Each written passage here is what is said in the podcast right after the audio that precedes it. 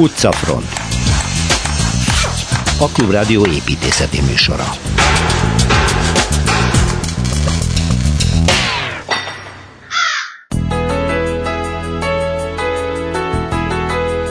Ezúttal nem megyünk messze Szilveszter Ádámmal az Óbudai Graphisoft park épületeit vesszük szemügyre. A a vasút alatt, Kelecsényi Kristóffal ezúttal a nyugati pályaudvar sínei alatt fogunk sétálni. Kovács Krisztina tíz olyan részletet árul el a Mátyás templomról, amitől még a lélegzet is eláll. Például, hogy nem is ez az igazi neve.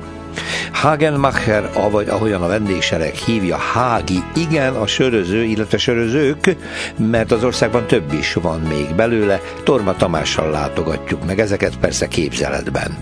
Szakralitás az építészetben, avagy hogyan vezet át az építőművészet a kozmikus rend világába. Sólyom Sándor Íbüldíjas építész filozófus a vendégünk.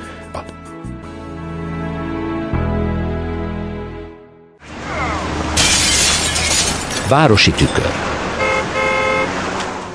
Szokásunktól eltérően most nem néhány ezer kilométer, csak mondjuk két-három kilométert utazunk Szilveszter Ádám, építőjes építész egyetemi tanára szabad művészetek doktorával. Szia!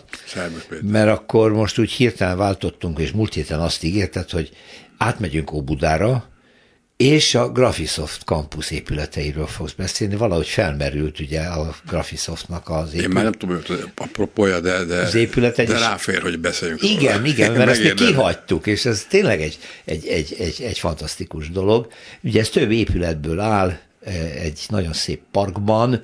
Na, kezdjünk hozzá, hogy Igen. te építés szemmel ezt minek tartod, milyen alkotásnak? Hát ezer szálon kötődök a dologhoz.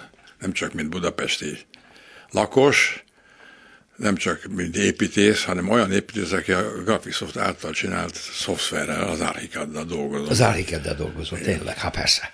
Tehát, Világhírű termék, hát ez a... Egy nagyon jó termék, igazándiból, tehát a, ahol járok, úton, úton kelek, és épített találkozom, azok nagy része Archicaddal dolgozik. Ezzel dolgozik, ezzel a magyar fejlesztéssel. Berlinben is, Barcelonában is. Tokiótól kezdve. Mindenki. Igen. Na most abban az érdekes, hogy ez a szoftver, ez, ez egy nagy újdonság volt a szoftverpiacon, és a, egy kicsi cég, egy nagyon kicsi cég, a Graphisoft fejlesztette, akinek az elnök igazgatója volt Bajár Gábor, Igen. és ők valahol a, a, a Kolumbusz utcában, meg, meg ott a környéken kis vityilókban laktak össze-vissza, de nagyon ment a szoftver. És ők lettek az Apple képviseletek ráadásul Magyarországon disztribúciós joggal. Úgyhogy ez, ez, ez a lépegetés ez aztán egy nagy ugrásá nőtt, és elhatározták, hogy, hogy a, a Óbudai gázgyár területén bérelnek helyet. Ami nem csak az lesz, hogy megvan a szoftverfejlesztésnek a helye, hanem egy ingatlan fejlesztésbe is fogott. Tehát úgy gondolt, hogy ott a 22 ezer négyzetméter bérbeadható iroda lesz, aminek egy része az övé. És ez elindult 1998-ban.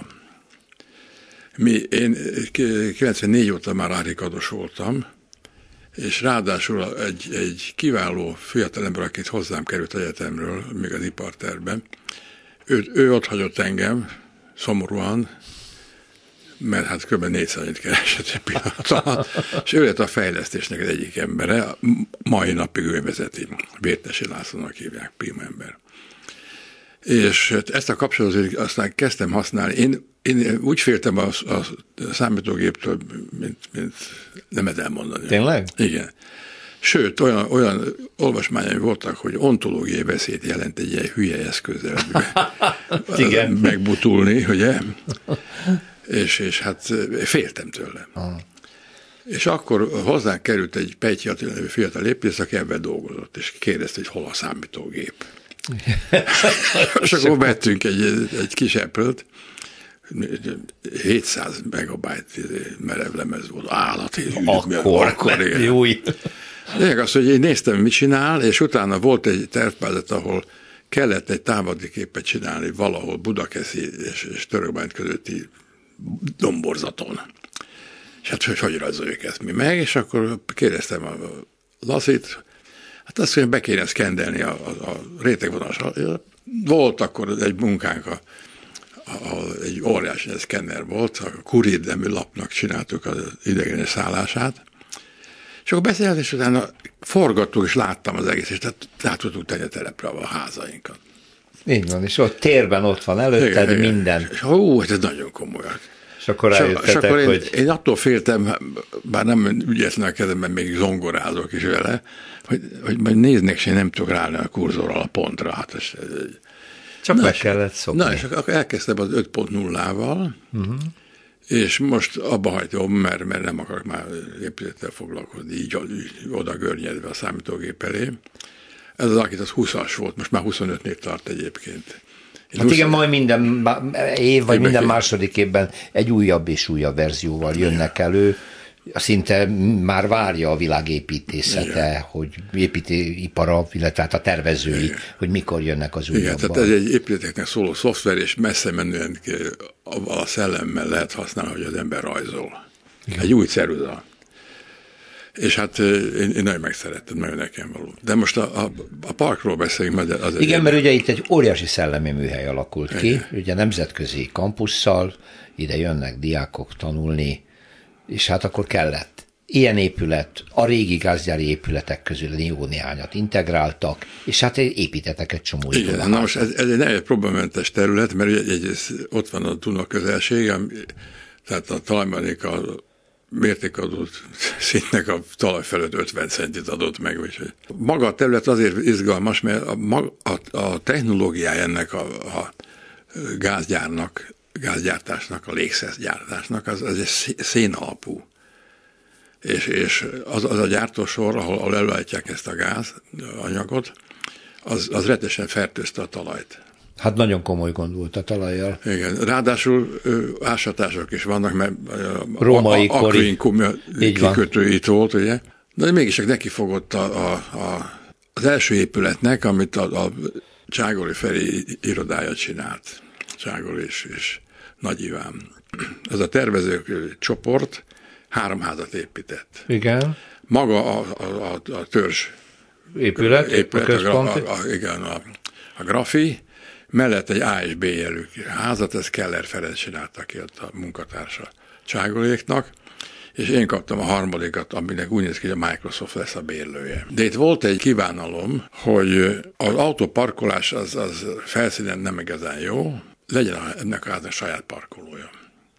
Na most ez egy izgalmas dolog volt, mert, mert az a, az, a, az a épületi hangvétel, amit a cságolék megütöttek, az egy nagyon szimpatikus és, és hajlékony, mozgékony épületet jelentett, ahol, ahol udvart lehet kialakítani, fordul a ház, ha kell, akkor nem derékszögbe szerkezhető és ennek a sorába kerültem. Én akkor azt mondtam, hogy akkor csináljuk így, én is így csinálom. Igen? Igen, ám, de egy parkolónak van egy baromi kegyetlen, merev rendszere, és hát összes kocsit el kell helyezni, ez egy terjedelmes nagy felület, ami fölött azért nem van könnyű mocorogni, egy, egy, egy, egy, ilyen egy ahhoz hasonló házat csinálok. Én gondoltam, hogy az a hangvételők téglával dolgoznak. Igen, vörös tégla. Vörös tégla és, és alulüveg felületek vannak, meg erkélyek vannak, meg lodzsák vannak, ezt én is meg tudom csinálni.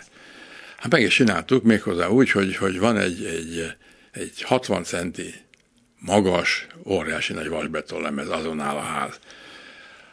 Ez Vasbeton van az alapzat alatt? Igen, ami, ami egyben szigetel. És az alatt van a garázs? Nem, a garázs ezen áll. Ja, maga a garázs áll. Van, van egy, egy, egy, egy nagy felület, ami úszik ugye a talajvízen, de, Igen. Olyan, de olyan maras, ugye majd nem mozdul, de nem engedi be vizet, és, és azon én megpróbáltam olyan, olyan pillérosztást csinálni, ahol vannak udvarok fölötte. Uh-huh. Tehát úgy terhelni, ne, ne repedjen maga a lemez, tehát egy, viszonylag egyetesen terheljük, és mégis mozgékony ház legyen. Micsoda úristen. És, és ez, ez, ez, egész jól sikerült.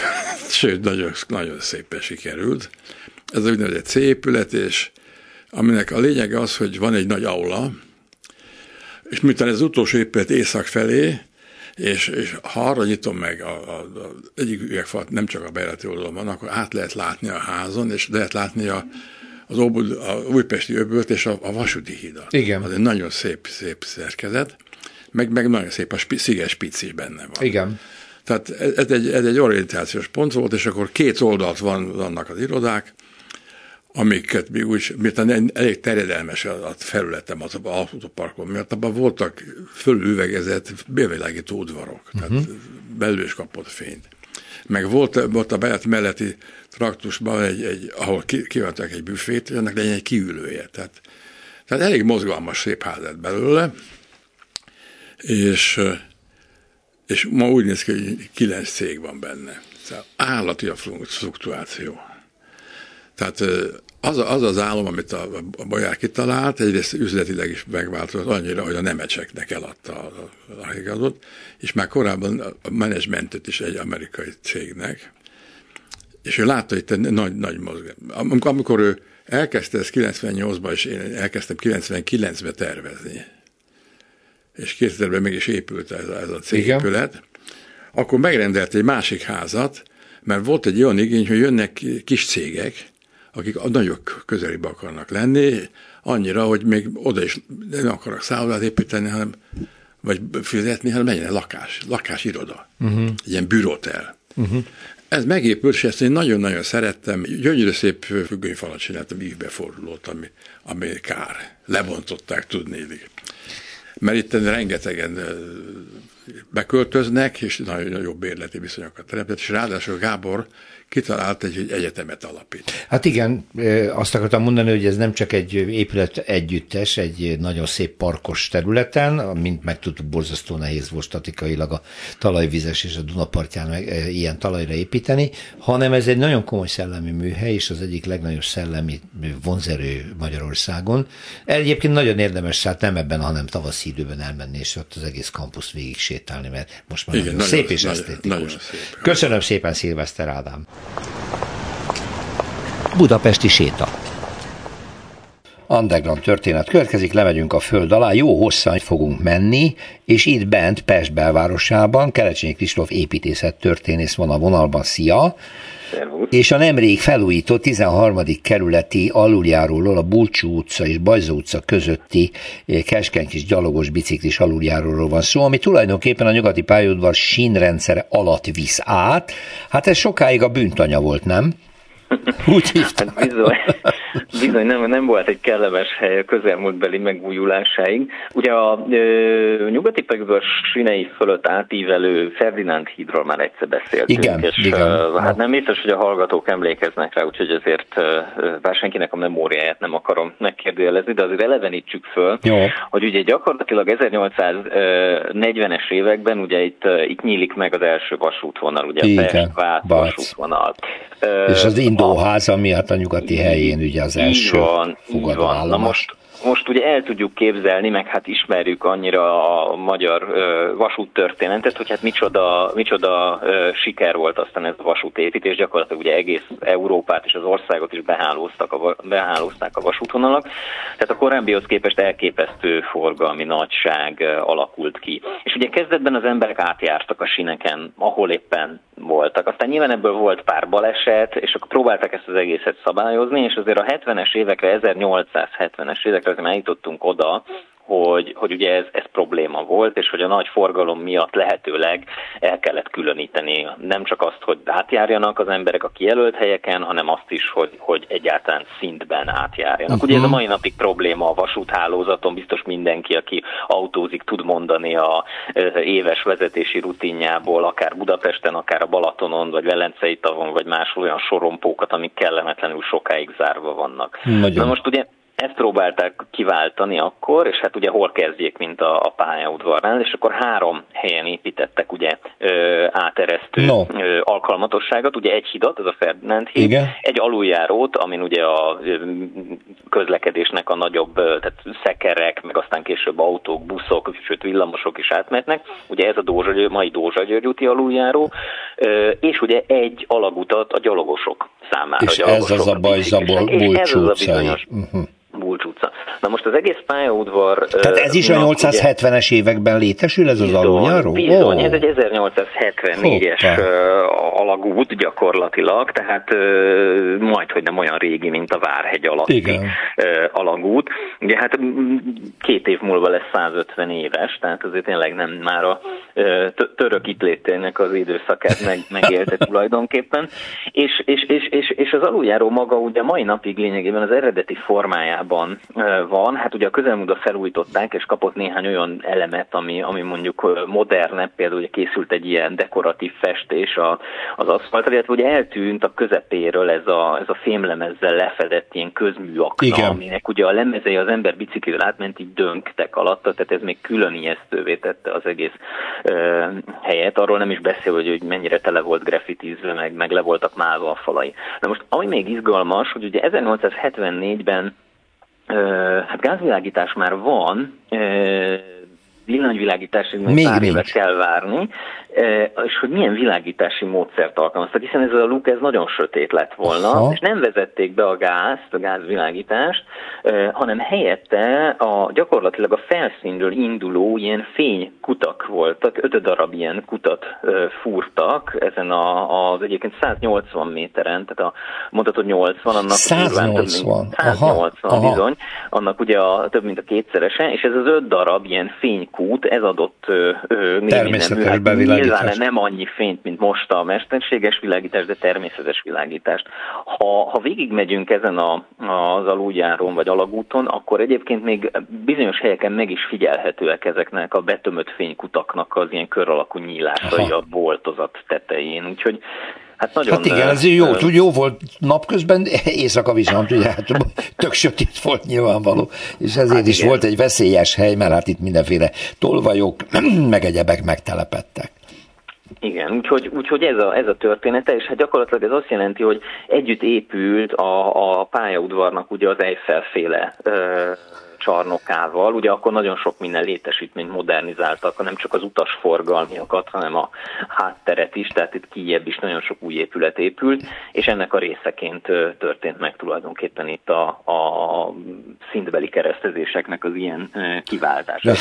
Maga, maga ez az alagút egyébként meg nem, nem volt ez mindig biztos, hogy megéri ezt a tisztes kort, amit említettünk az imént, mert hogy már a századfordulón voltak arra tervek és elképzelések, hogy bizony ezt ki kell bővíteni, szélesíteni az autóforgalomra, vagy hát akkor még ugye szekér, kocsi forgalomra alkalmassá tenni, de ez nem történt. Hála. Istennek, én azt mondom. Mert most nekünk gyalogosként, biciklivel, rollerrel borzasztó klasszul levágjuk a, az utat, nem kell felmennünk a Ferdinánd hídra, és át lehet jutni, és most, hogy nagyon szépen felújították, sőt, még be is kamerázták, és nagyon szép a világításra, most már biztonságos. Így van. Köszönöm szépen Kelecsényi Kristófnak, szia! Köszönöm, szervusz! Perspektíva ha Pesti oldalon valaki arató embereket akar látni, akkor álljon meg a Víg Színháznál, nézzen át a túloldalra, ott van egy igen szép nagy épület, annak a felső homlokzat részén van egy jelenet, ez egy dombormű, ha jól tudom, arató embereket is, a magát Igen. az aratási folyamatot mutat, és erről Torma Tamással már egyszer beszéltünk. Igen. Szia Tamás! Szia Péter, az egy blog szerzője, állandó munkatársunk, mert ugye ez a Hagelmacher söröző ő, tulajdonossának egy, előző, malma volt. Igen, így ugye, van, az előző Hagemacher korszak, amikor még, még volt malmosok voltak, ő malmosként érkezett Svájcból, az egyik legnagyobb malmos lett Pesten. És ott volt Itt a volt nagy malom. a nagy malom, igen, és a, a ház azért örökíti meg ezt, ezt a domborművet, mert aztán ez leégett valamikor 1876 körül. Igen. Utána még működött, de ő megérezte az idők szelét, nevezetesen, hogy már sok, túl sok a malom, és jön a sörkorszak, ugyebár ezt már mondtuk, filoxéra, és a filoxéra után volt ez a nagy sör forradalom és akkor... Magyarországon, és ezért a gyerekei között kiosztotta a malomtelkeket, uh-huh. ő maga pedig egy palotát épített, ami szintén új az Andrási úton, a Hagemacher palota, most azt hiszem szálloda lett. Igen, én is benne. úgy tudom, hogy szálloda van. De most a sörös korszakról beszélünk. Hát ez az. Arról, hogy én most ö, Szegeden voltam, tehát azért friss az élmény, mert direkt megnéztem, hogy az én valahai kedvenc hági sörözőm. De sokat lett. voltunk ott, amikor én ott tanultam Szegeden. Igen, Igen a, hági, a hági. És nem egy hági van, hanem több is Magyarországon, az a Hagemacherból szóból hági. származik. Egyébként vicces, mert a Hagemar, a név, a Hagemacher, az kampós puskát jelent. Igen, ezt már láttam valahogy, kampos. Hogy jön össze, na mindegy. Na mindegy, ez a, magyar, a magyarul ez Hágira Hági. rövidült Hági. le, a sörforradalom részeként alakult meg, először raktárnak vette meg azt a területet. Igen. Szegeden, tehát most Szegeden vagyunk, és az utcából egyébként azt hiszem Kelemen László utcának hát, hívják most az utcát, hívják, nem tudom, villamosjáról, de azért kitűnt, ugyebár Szegeden nincsenek a nagyon magas házak, de ez azért kitűnt, hogy ez egyszintes volt, ez a klasszikus igen, igen. vendéglő, ami megmarad, mindig üzemel, és középen van a bejárat, most egyébként már bővült, tehát csak röviden a volt Szegedi első színházzal szemben vagyunk, tehát egy legendás hely. Sörraktár volt Hagemacher sörraktár, aztán lett söröző talán a 20-as évektől folyamatosan.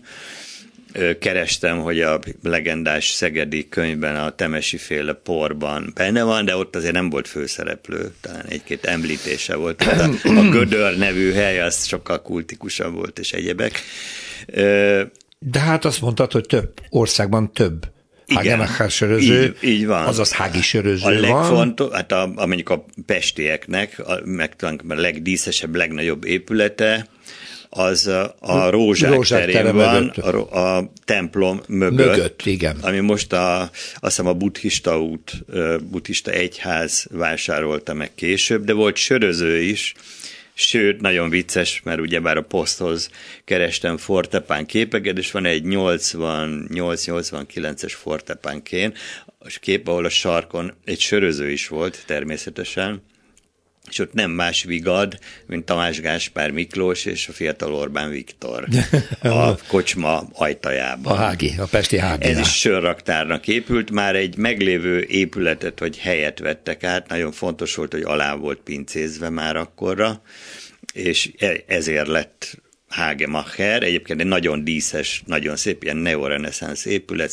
épületszobrokkal, a vakablakokba sörmestereknek a a képet, tulajdonképpen freskója került.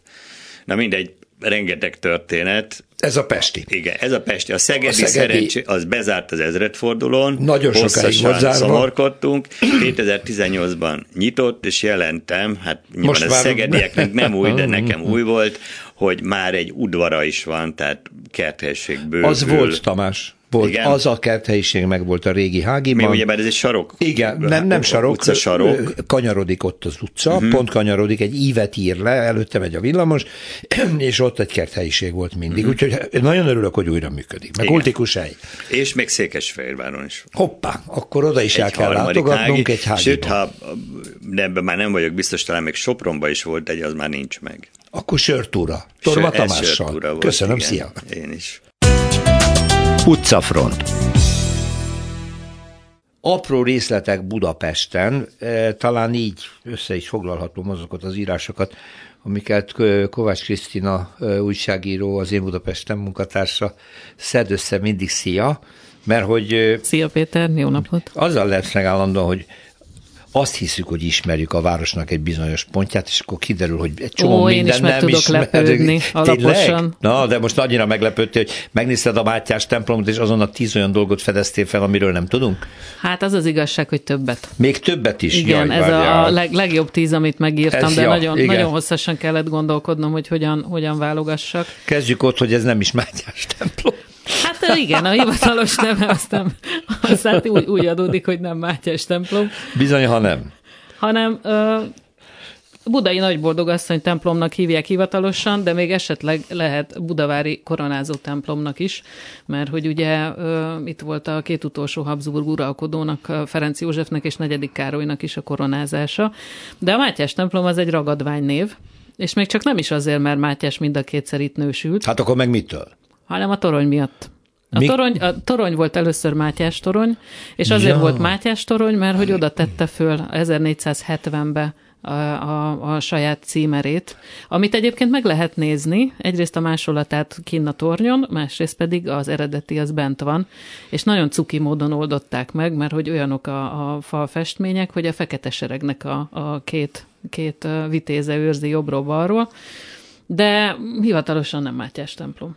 Na hát, de mi azért most már maradunk ennél, jó? Hogy ma, most már akkor csak hát azért valószínűleg is így... senki nem tudná, hogy miről beszélek, hogyha a budai nagyboldogasszony templomról beszélgetnénk jó, hát az, a továbbiakban. Ja, hát azért ez mégiscsak a budai polgárságnak az egyik legfontosabb épülete.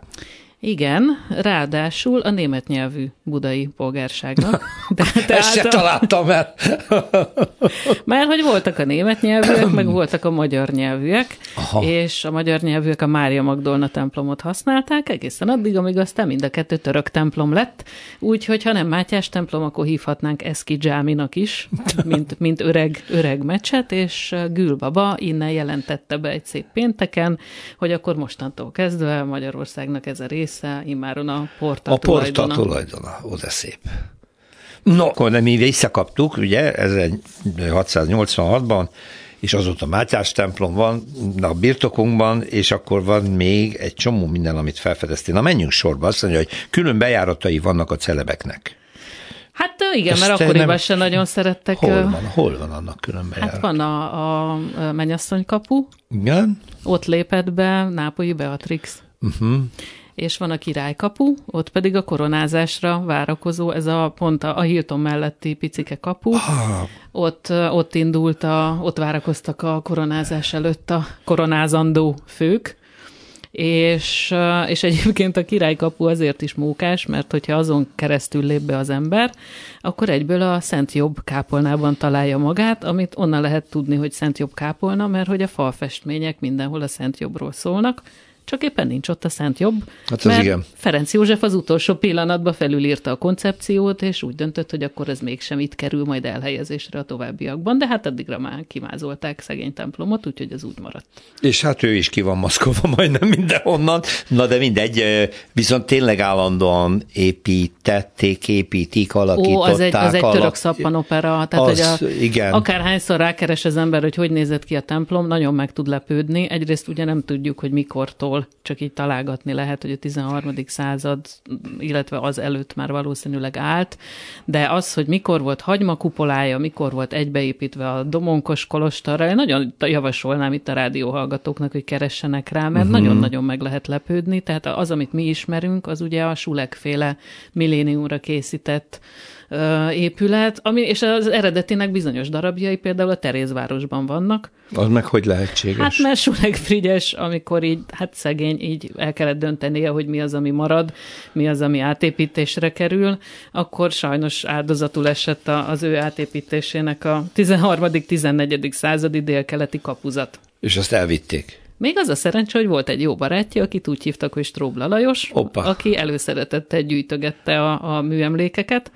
és akkor ő valahogy kidumálta magának, hogy ez átkerült az ő műtermébe, amit Epreskert néven ismerünk, úgyhogy ha valaki meg akarja nézni a Mátyás templomnak az egyik részét, akkor menjen, akkor menjen el a hatodik kerületbe. Fú, ez a Mátyás templom beterít mindent. Sőt, aztán ugye a gyönyörű zsolnai cserepek közül elég sokat találunk most már mindenhol, mert ezeket el lehetett vinni.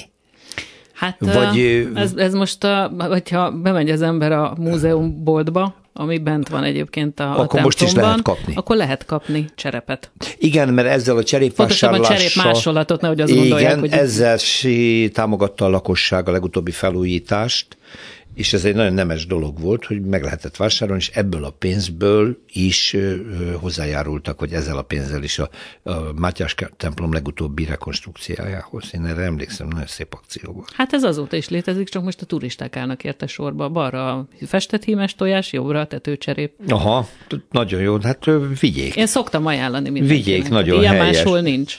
No, és akkor a modern korn pedig ben van, a technológiával gondolom, mert hogy a kamerák mindenütt ott figyelnek. Hát, ha már rádióban vagyunk, akkor talán nem érdemtelen megemlíteni, hogy az első rádió közvetítést is a Mátyás templomból adták, ez Aponyi Albertnek a temetése volt. és annyira nemzetközi jelentőségű esemény volt, hogy volt három mikrofon, a német, a francia és az angol nyelvű speakernek hogy Tényleg? hát ők se, ők se maradjanak ebből ki. Egyébként egy 6 plusz 3 mikrofonos, most nem merem azt mondani, hogy közvetítőkocsis közvetítés volt, de... Élő volt? Igen. Hoppá. És... Tehát élő közvetítéssel ment aponyi temetés, ezt nem is tudtam. Én se. Azt hittem rögzített. Én, én mindig meglepődöm, tehát azt gondolom, hogy ú, hát ezt már láttam 47-szer kívül belül, de például azt se tudtam, hogy 86 kamera van benne, van benne egy diszpécser központ, egy, egy külön gépészeti rész a, a hőmérsékletről gondoskodik, és, és ez nekem azért tetszik nagyon, mert hogy közben ott van az a szobor, ami a legrégebbi szobor azok közül, a szobrok közül, amit nem hurcoláztunk ide-oda a történelmek no. során. Tehát, hogyha bemegy az ember, van egy oszlopfő, Igen. az oszlopfőn ráadásul két picike szerzetes, aki egy könyvet fog, uh-huh. ami az én lelkemnek nagyon szívet melengető, és az a 13. század óta a templom része. Nem vitték el, nem törték nem. le, Isten, nem. vannak még állandó dolgok. Nagyon kevés. Kovács Krisztinának nagyon szépen köszönöm. Én is köszönöm magas lesen. Köszöntöm a stúdióban. Solymos Sándor évüldíjas építész, eh, filozófus egyetemi docást. Másodszor van itt nálunk, jó napot kívánok, hiszen eh, már egyszer nagyon izgalmas beszélgetés volt, és szinte tátott szájról előadását hallgattam a kupolákról, a bazilika építészetről, és egyáltalán a templom építészetet is említettük, de így karácsony környékén arra gondoltunk, hogy az építészet és a szakralitás kapcsolatáról beszélünk, mi pedig abban az összefüggésben, hogy minden épületnek lehetnek szakrális üzenetei, motivumai, függetlenül attól, hogy azok vallásos ö, ö, szerepet játszanak-e vagy sem, tehát, hogy valamelyik egyházhoz tartoznak vagy sem, de mi ennek a története? Tehát az ember azt mondja, a kubus ugye azért volt, hogy védjük meg magunkat, ebből az következik, hogy az épület elsősorban, másodszorban és harmadsorban praktikus célokat szolgál, minden egyéb az már csak a plusz játék, a díszítés és egyebek de lehet, hogy ennél bonyolultabb. Ennél bonyolultabb. Igen, gondoltam. De, de igyekszem, gondoltam. Ezt, igyekszem ezt most akkor megközelíteni onnan, hogy a legarhaikusabb, hát hogy mondjam, történeti értelmezés szerint, ugye amikor még írásbeliség nem volt elterjedt, amikor még a, a kollektív közös tudásban nem volt követelményszerű az azonosítható értékrendeknek a, a művelése, akkor ugye regionális változatokban és térségi kulturális hagyományokban éltek az emberek, és ráadásul ugye népvándorláskor, és akkor egymást dominálni próbálták különböző népcsoportok, és akkor ebben a nap nap mozgásának és a csillagos ég forgásának, éjszakai forgásának ugye elemi tapasztalata az embernek, amikor ráadásul nincsen még műfény, és este nem televíziót Aha. néznek, hanem csillagos eget néznek, akkor, akkor ennek az értelmezésének kialakultak olyan hagyományai, amiben korán felfigyeltek arra, hogy a napi egyenlőség az ugye, hogy ugyanolyan hosszú a nap és ugyanolyan hosszú az éjszaka, az egy kitüntetett pillanat, pillanat az, évnek. az évnek, igen, és hogy ez ugye március 21-ére esik, illetve szeptember 21-ére És akkor ez már egy egyetemes tudás. Igen, és ez egyetemes tudás, mert ez függetlenül a nap pályasíkjának hajlásszögétől, független az a égtájakról és a övezetről, övezetekről, a, a, klimatikus övezetektől. Ez ugye elemi tapasztalat, és ráadásul minden csoportban, minden kultúrában vannak olyan elmék, kitüntetett tudással rendelkező elmék, akiknek a, a közmegbízása, a feladata az, hogy ezeket értelmezzék, ezekből okos tapasztalati tudást hát vonjanak le az elemi dolgokkal foglalkozó emberek számára, és ebben a kollektív tudásban megegyezett a gondolkodás, gondolkodás, megegyezett az értelmesség, ért, értelmezés, és ennek a, a legkorábbi hát, objektumok, amik, amik ezt igazolják vagy bizonyítják, ezek a szent kerületek, a szentékörök, ugye, mint a Stonehenge kőkör, meg ezek a szent kerületek, ahol, ahol mindig van valami kiemelt pont, pozíció, ahol oltárt emelnek, ahol áldozatot mutatnak be valami felsőbb lényeg, istenség vagy annak a képviselőjének, És vannak kitüntetett irányok, és ez függ össze a naptára, és ez függ össze a fény hát mozgásával, a nyári hosszabb világos nappalok és a téli rövidebb világos nappalok korával, és ez ugye ráadásul térségenként, klimatikus térségenként is változik, és ebbe közös, közös egymástól függetlenül kialakuló közös tapasztalat később egyeztethető, ez régészetileg, kultúrtörténetileg, hogy ebben mindenhol ugye a napmozgásának, a holdmozgásának, a holdciklusoknak, ugye, hogy 12 holdciklus, de azért nem pontosan adja ki a 365 napot, de hogy az azért nem pontosan, mert ugye egy negyed nap van még hozzá, és akkor ez szökőnapok, egyebek, egyebek, és ebből naptárrendszerek alakulnak ki. Bocsánat, nap... egy pillanat. Ja? Ö, az, az, hogy lehetséges, hogy 10-12 ezer évvel ezelőtt leképezték a naprendszert. Ugye Stonehenge tulajdonképpen a naprendszer boly. Ismerték a Plutót. Igen. A legkülső igen, körön igen, ott igen. a Plutó. Hogy a csodába lehet ezt a tudást? Úgy, hogy a, megszerezni. A, égboltnak a mozgása, a körben forgása, és ebben a bolygók, ami már a név is kifejezi, hogy nem a szerint a rendszer szerint mozognak, hanem össze-vissza mennek, más irányokat, más pályákat írnak le.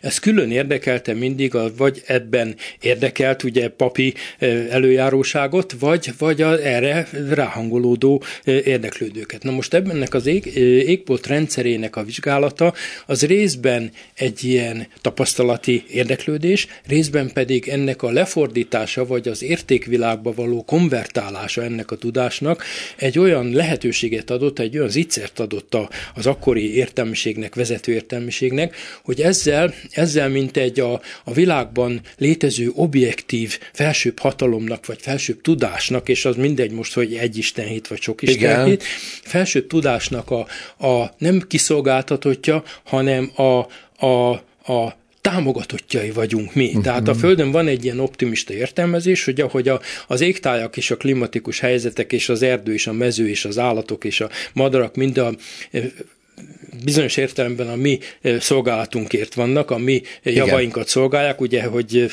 élelmiszert adnak, vagy, vagy művelik a földeket, vagy nem tudom én ottan, hát egyensúlyokat teremtenek, hogy ebben a, az ember értelmezése, és ebben érdekes, hogy van egy ilyen mélélektani, kultúrantropológiai tapasztalat, hogy a kis csecsemő, a kisgyerek, akiről gondoskodnak otthon, az ugye mindig feltételez egy gondoskodó felsőbb lényeget, ami a mama vagy a papa vagy a, vagy a nem tudom, csapatvezető annak idején, amikor itt mozgalmak voltak, és tehát ebben nagyon fontos ez a felsőbb lényekhez való igazodásnak a, a belátása, és ez a tapasztalat, hogy mindenki jobban jár, hogyha én igazodok a felsőbb lényekhez, és megpróbálom megérteni annak a mozgását, vagy követelmi rendszerét, vagy kívánalmait, és ez absztrahálódik úgy, mint Istenvilág, vagy absztrahálódik úgy, mint a csillagok közötti törvényeknek a megértése, vagy mint materializmus, vagy mint különböző idealista hát hagyományrendszerek, hogy teremtették a világot, vagy kialakult, hogy ez egy ilyen gravitációs folyamat, vagy egy ilyen, egy ilyen valamilyen irányba menő folyamat, vagy csak véletlenek sorozata. Valamilyen kommunika- ez egy híd. Tehát Stonehenge is egy kommunikációs állomás, a piramis is maga az lehet ezek szerint. Egy kapu a felsőbbséghez. Így van. És, ráadásul és az legyen a, bármi. És ráadásul ennek a masszív, nagyméretű megépítése, az pedig megint egy olyan mélélektani tapasztalattal azonos, hogy amit mi nem tudunk belátni, vagy nem tudnánk megcsinálni, vagy ami tevékenységi körünkön nagyságrendileg kívül van, azt olyan erők és olyan, olyan akarat mozgatja, aminek mi is ki vagyunk szolgáltatva, tehát az ő, hogy mondjam, jó indulatát keresni, vagy az ő érde érdekében szolgálni ebben a világban, az pont olyan munkamegosztás vagy olyan kiszolgáltatottsági helyzet, mint a természetben vannak, ugye, hogy a nem tudom, a ludak egy vezérlő lúd után aha, mennek, aha. és a pusztában nem tudom, az állatok hogy keresgélnek. Tehát ebben, ebben ilyen objektív tapasztalatok meghatározzák a kollektív tudást, és ez a kollektív tudás egy kollektív felettes tudás, tehát nem csak a praktikus aznapi éppen tennivalóimmal vagyok, vagyok tekintettel, hanem egy felettes értékrendet próbálok követni, ami többszörösen megtérő, mert az együttműködésben képes az embereket működőképes csapattá vagy kollektívá hát varázsolni, vagy pedig hát én nem vagyok kiszolgáltatva azoknak a rontóerőknek, vagy azoknak a, a teremtőerőknek a haragjának, hogyha én rosszul működök, amik ugye hát ennek a világnak a, a működését. Tehát akkor az építészetben Abóvó benne van ez a védelem, Igen. a védekezés és a fensőbsége való kapcsolattartás egyszerre. És ennek a szimbolikus megjelenítése, tehát az, ahogy aki ugye olvasni tud, a régi világban ugye ez ritkaság volt, aki olvasni tud, az olyan jeleket is képes egyeztetni, ami jelek mások számára csak rajzolatok, vagy vésetek, vagy akármi. Aha. Na most ebben pontosan a természeti erőknek, vagy a természeti mozgásoknak, vagy azoknak a képleteknek, amit ugye göncösszekérnek, meg nem tudom minek, nagy, Igen. nagy medvének, kis medvének nevezünk, akkor ezeknek az ismerete, vagy ezek mozgás összefüggéseinek az ismerete egy olyan plusz tudás, ami a munkamegosztásban azok számára kezelhető és tudható, akik ugye ezzel foglalkoznak, szakrális műveletekkel foglalkoznak, akik egyszerű földművelők vagy állattenyészők, azok meg majd szólnak neki, hogy mikor kell. Igen. Vagy az állatok mozgásából rájön maga az ő tapasztalata, hogy mikor kell. Tehát ez nagyon érdekes, hogy lényegében itt a felettes tudatnak, a kollektív felettesnek a működése, anélkül, hogy tudnánk róla, anélkül is meghatározza a viselkedésünket, és ráadásul igazolási rendszereket kínál föl, amiket ismerni javadalmazó, meg jövedelmező, amiket meg megtagadni, az büntetést von maga után. Ilyen értelemben az építészet maga az folyamatosan az útkeresés a fensőbséggel. Igen, és ennek a szimbolikus megjelenítése. Tehát ugye itt nem kell ahhoz építészetben jártasnak lenni, hogy egy, egy panteonnak a, uh-huh. az mhm. elrendeződését, a kupolát, meg a kupolából belső fényt és annak a, annak a fénykörnek az árnyéka, hogy vonul a, a panteon belső Igen. falán, annak tudja az ember, hogy ez, ez több, mint, több, mint amit itt látok. Hadd kérdezek egy nagyon primitív dolgot, mert ez nagyon sokszor felvetődik, és akkor itt a templom uh-huh. és a szakrális épületeknek a, a, a, a szerkezetét érintem. A felfelé törekvés, a csúcsok, a tornyok ugyanezt fejezik ki? Bizonyos értelemben igen, mert ezt megint elemi tapasztalata a gyereknek, amikor kavicsokból vagy kockákból épít valamiféle piramisokat vagy dombocskákat, Aha. akkor tudja, hogy milyen helyzettől kezdve fognak legurulni azok igen, a kövek. Igen. Az építőkövek nem maradnak egymáson, de mégis van olyan tudás, amikor a, az teherátadásnak és a statikának a tapasztalataival olyan látványos és hihetetlen csúcsokat lehet elérni, szó szerint csúcsokat, ugye templom csúcsokat lehet építeni, tornyokat lehet építeni, ami tekintét parancsoló annak számára is, aki nem beavatott ebben az egész Aha. működésben. Tehát egy egyszerű asztalos vagy ács, az ugye nem tudja, hogy a kővel hogy kell dolgozni, a kőműves meg nem tudja, hogy a, mitől fog egymásba a csapolás az jól működni majd az idők folyamán. Tehát itt megint olyan bizalom, kollektív bizalom, bizonyos tapasztalat gyakorlati rendszereknek, vagy mesterségek irányában, amit tudjuk, hogy ha, ha azt jól műveli valaki, az látványos eredményeket hoz, és a látványos eredmények ezek többek, mint egyszerű látványos eredmények, mert ugye a csúcs felé törekvés, az ég felé törekvés, a templomtornyokkal, a csúcsokkal, vagy az egyszerű megtámasztásnak, ugye a támaszrendszereknek a gótikában, Igen. az több mint, több, mint az, amit látunk, hanem tudjuk, hogy valami beavatott tudás, ami nem kell nekünk tudni, tehát a szabómester se tudjuk, hogy kifordítva kell, hogy a gatyát összevarja, aztán mi visszafordítjuk és úgy hordjuk, hogy nem látszik a ronda varrás belülről. Tehát, hogy ez egy bizalom bizonyos szakmánk művelőjében, és ez az együttműködésben egy ilyen jóféle tapasztalatot ad, hogy a világ működik, és mi is tudunk benne működni. Nagyon érdekes, nemrég láttam BBC history egy filmet nagy, ezekről az építészeti csodákról, amik 5-10-12 ezer évesek, és ott volt egy perui épület maradvány, ahol kötőanyag nélkül a ne, nem megfaragott kövek olyan tökéletes illesztésével húztak fel nagyon magas falat, hogy az ember mai néz, mai, mai statikai tudásunkkal nézzük, hogy hogy tudták megtalálni ezeket, és így egymásba illeszteni, akkor ez, ez az üzenet ezek igen, szerint. Igen, igen, és ráadásul elemi tapasztalatú, ugye ma is a gyerekek építőkockával meg legóval játszanak, uh-huh. hogy ebben valamiféle ilyen, ilyen nem reflektált statikai tudás is eh, be, belsővé válik az embernek, hogy tudja, hogy ezt még rá lehet tenni, hogyha odafigyeltem és így csinálom, vagy ha ráteszem és legurult, akkor valami hibát én követtem el. Uh-huh. És akkor ezek a tapasztalatok hát konvertálódnak, átalakulnak, és ezeket beolvasni is tudjuk a világból.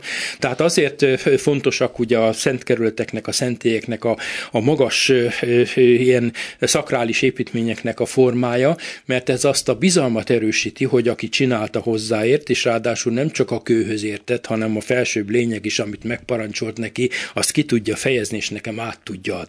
Hmm, tehát ez is egy kommunikáció. Igen, igen. Az igen. építészet akkor egy ilyen. Bizony, bizony, az építészet egy nyelv. Már-már az ezotériát elérő igen, kommunikáció. Egy nyelv, az építészet egy nyelv, amit lehet hétköznapi módon művelni, lehet az utcán egy csúnyán beszélve művelni, és lehet rafinált módon időmértékesen, és, és ugye hát a, a sorok végeinek az összecsengésére figyelemmel és tapasztalattal lenni. Egészen fantasztikus hallgatni Sonyos Sándort. Kérdezek valamit, ami nyilván túlmutat ezen, csak az embert mindig foglalkoztatja. Ez a bizonyos film, amit néztem, ez a BBC Historin, meggondolkodtatott, amikor a gízai piramist mutatta, egyenként olyan 20 tonnások a tömbök. A környéken nincs kő. És azt mondja a speaker, hogy ezek elképzelhetetlen módon kerültek oda csak lebegtetéssel, mint a húsvét szigeteki óriás szobrok. Igen. Azoknak is olyan súlya van, hogyan tudták volna azt beemelni, ha csak nem valami felsőbb erővel lebegtetve oda repültek. Ez nyilván nem így van. Nem így van. De mi mozgatta ezeket a Igen. gigantikus Na most erőket? az az érdekes, hogy ugye ez megint a gyereknek elemi tapasztalata, hogyha pálcikákkal vagy ceruzákkal kockák alá rak, akkor görgetem, akkor hátulról kiveszem, amin már túljut, és előről tehát ez beteszem. Csak így képzelhető Igen. El. Tehát ezek ilyen görgetett masszív tonna, több tonnás kövek, meg több tíz tonnás, száz tonnás kövek voltak, ami görgetve ugye kisebb nagyságrendű erőkkel, ugye bivajokat, tökröket eléfogva lehetett húzni, mint a szekeret. És emelni?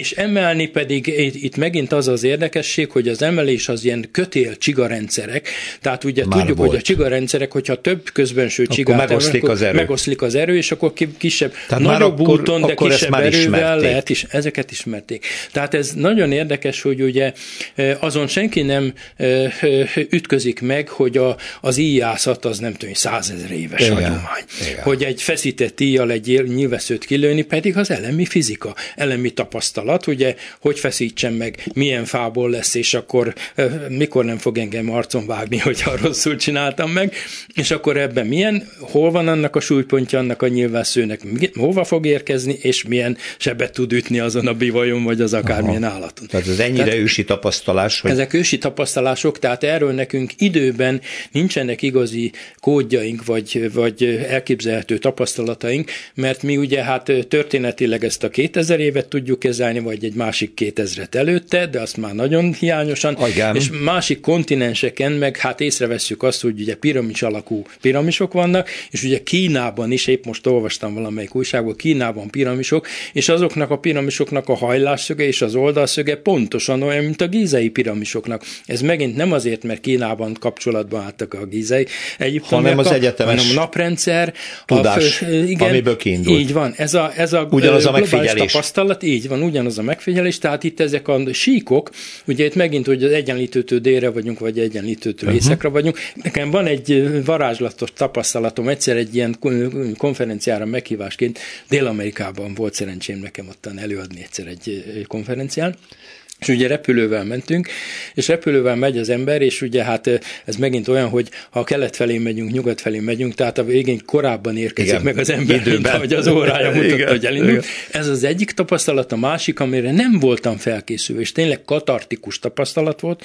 Mentem az utcán, és láttam, hogy hú, itt van, a, itt van a nap a napállása van. És hát akkor ez még csak olyan fél tíz, mert tudjuk, hogy reggel nem tudom, az ember, amikor látja, nem, akkor itt van, bocsánat, rosszul mutatom, tehát fél tíz lehet. Közben ott fél három volt. Ah. Mert ugye a déli féltekén nyugaton kell a nap, és keleten nyugszik. Ja, mert ugye egyenlítőhöz képest hogy vagyunk. Jól És ezek az, az európai önértelmezésben, meg azokban az írott forrásokban, ahol elemi dolgokat leírnak, ezek nincsenek benne. De attól ez működik, attól ez a déli féltekén úgy van, hogy az emberek így megint reflexzeren tudják, ott van a nap, akkor ó, még délelőtt van. Nekem meg ez már délután, délután. vaskosan, vaskosan délután. Úgyhogy ez nagyon, és ez tényleg ez, ez olyan, dolog, olyan ö, elemi, katartikus élmény volt nekem, amikor ezt azonosítottam, hogy ja, persze, hát nem úgy van, mint amikor az ember nem tudom, hirtelen azon vesz észre magát, hogy már tud menni a kétkerekű biciklin, és nem kell letenni a lábát, ugye gyerekkorában, vagy rollerezni tud, vagy nem tudom én most elemi dolgok, ugye az utcán elektromos rolleren száguldanak az emberek innen a forgalomba, bukós isak nélkül. Igen, hát ez elég Igen, hát ezek a földi dolgok. Igen. Az ember tudja, de amíg meg nem tapasztalja, addig addig még nem igazán birtokolja azt a tudást. Igen, Nagyjából igen, ez az, igen, a, igen. ami... Hát ez egy fantasztikus kultúrtörténeti kaland volt, amiben Solymos Sándor évüldíjas építész, filozófus egyetemi docens minket bevezetett. Nagyon szeretném folytatni, még önnel várom később is, jó? Köszönöm szépen. Jó, én nyitva vagyok, mondom ezekre, hogyha még ilyen témákat Abszolút. még érintünk. Köszönöm, köszönöm szépen. szépen. Én, én is köszönöm.